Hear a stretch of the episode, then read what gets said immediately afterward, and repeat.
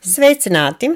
Esmu Inese Mailīte, tautas daļamata meistara aušanā. Vēlos pastāstīt jaunus, šķiet maz zināmus faktus par vēsturisko notikumu Meža parka estrādē 1985. gada jūlija mēnesī.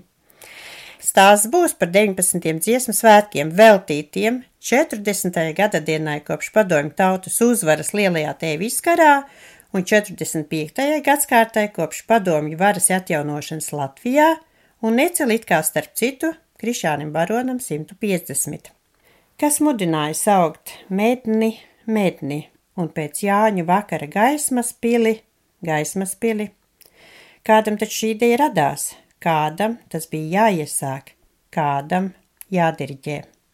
Pēc 2013. gada dziesmu svētkiem man bija iespēja dažus gadus pētīt, vākt materiālus par Haraldu Medni, jo Madonas puses ļaudīm Arta Kumsāra vadībā bija ideja atjaunot 20. gadsimta 30.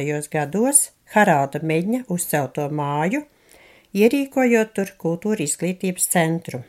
Tikos ar Haralda Medņa koristiem, radiem un diriģentiem, pētīju, pierakstīju, vācu un apkopoju materiālus. Sarunās ar Ilzu Nojāru Alekšiem viņu kāzu vedēja bija Ksenija Haralds Miņi, un vēl Ojārs būdams ārsts, laika gaitā kļuva par Haralda Miņa, tagad teiktu privātāstu.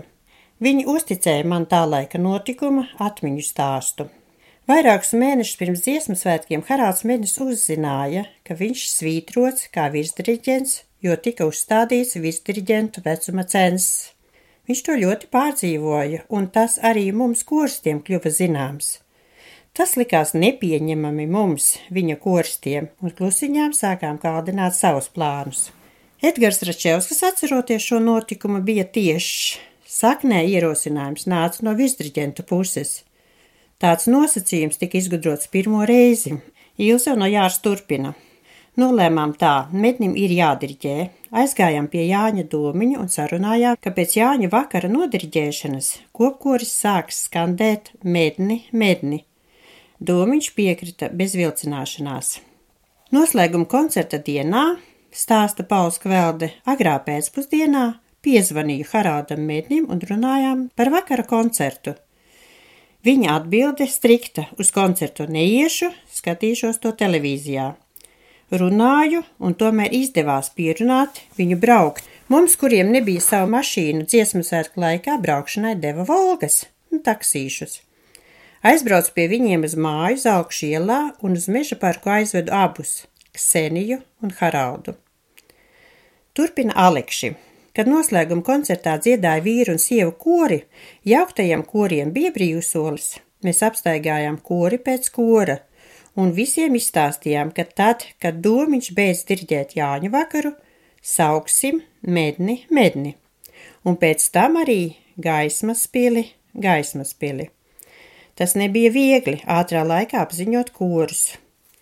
Ātri vien dzirdējām no dažiem koriem atrunu, ka tas ir lieki, jo medņa jau nemaz nesot.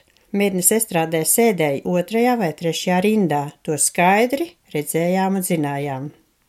Jānis Dūmiņš nodirģēja Jāņu vakaru speciāli beigu akordu ļoti gari izvelkot, un kokoris sāka skandēt – medni, medni. Haralds Mednis nodirģēja Emīla Melngaļa Jāņu vakaru, un kad jau savu sakāmo teica kultūras ministrs Vladimirs Kaupušs, kokoris šoreiz bez diriģenta vienbalsīgi skandēja – gaismas pili, gaismas pili. Pati atceros Haralda Miņa gadiem slīpētais žests bija stingrs un pārliecinošs. Dziedātāja sekoja virsdiriģenta Haralda Miņa rokai, un gaismas pils skanēja lieliski, dziedot gan klausītājiem, gan dažiem no virsdiriģentiem, jo ilgāk skanēja, jo vairāk auga drosme, taisnojās mugura un paldies Haraldam Mirnim. Noslēgumā Terēzes Brokas vārdi, Sirds līdzietīgi glabā tos psiholoģiskos sitienus, kurus tā vien gribas izrunāt mīļais Haraldiņš, saņēma 80. gados.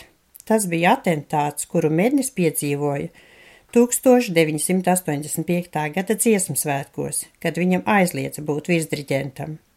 Saglabāt piemiņu par jebkuras profesijas cilvēku atstāto mantojumu, materiālo vai nemateriālo, ir jebkuras tautas kultūras vērtību rādītājs.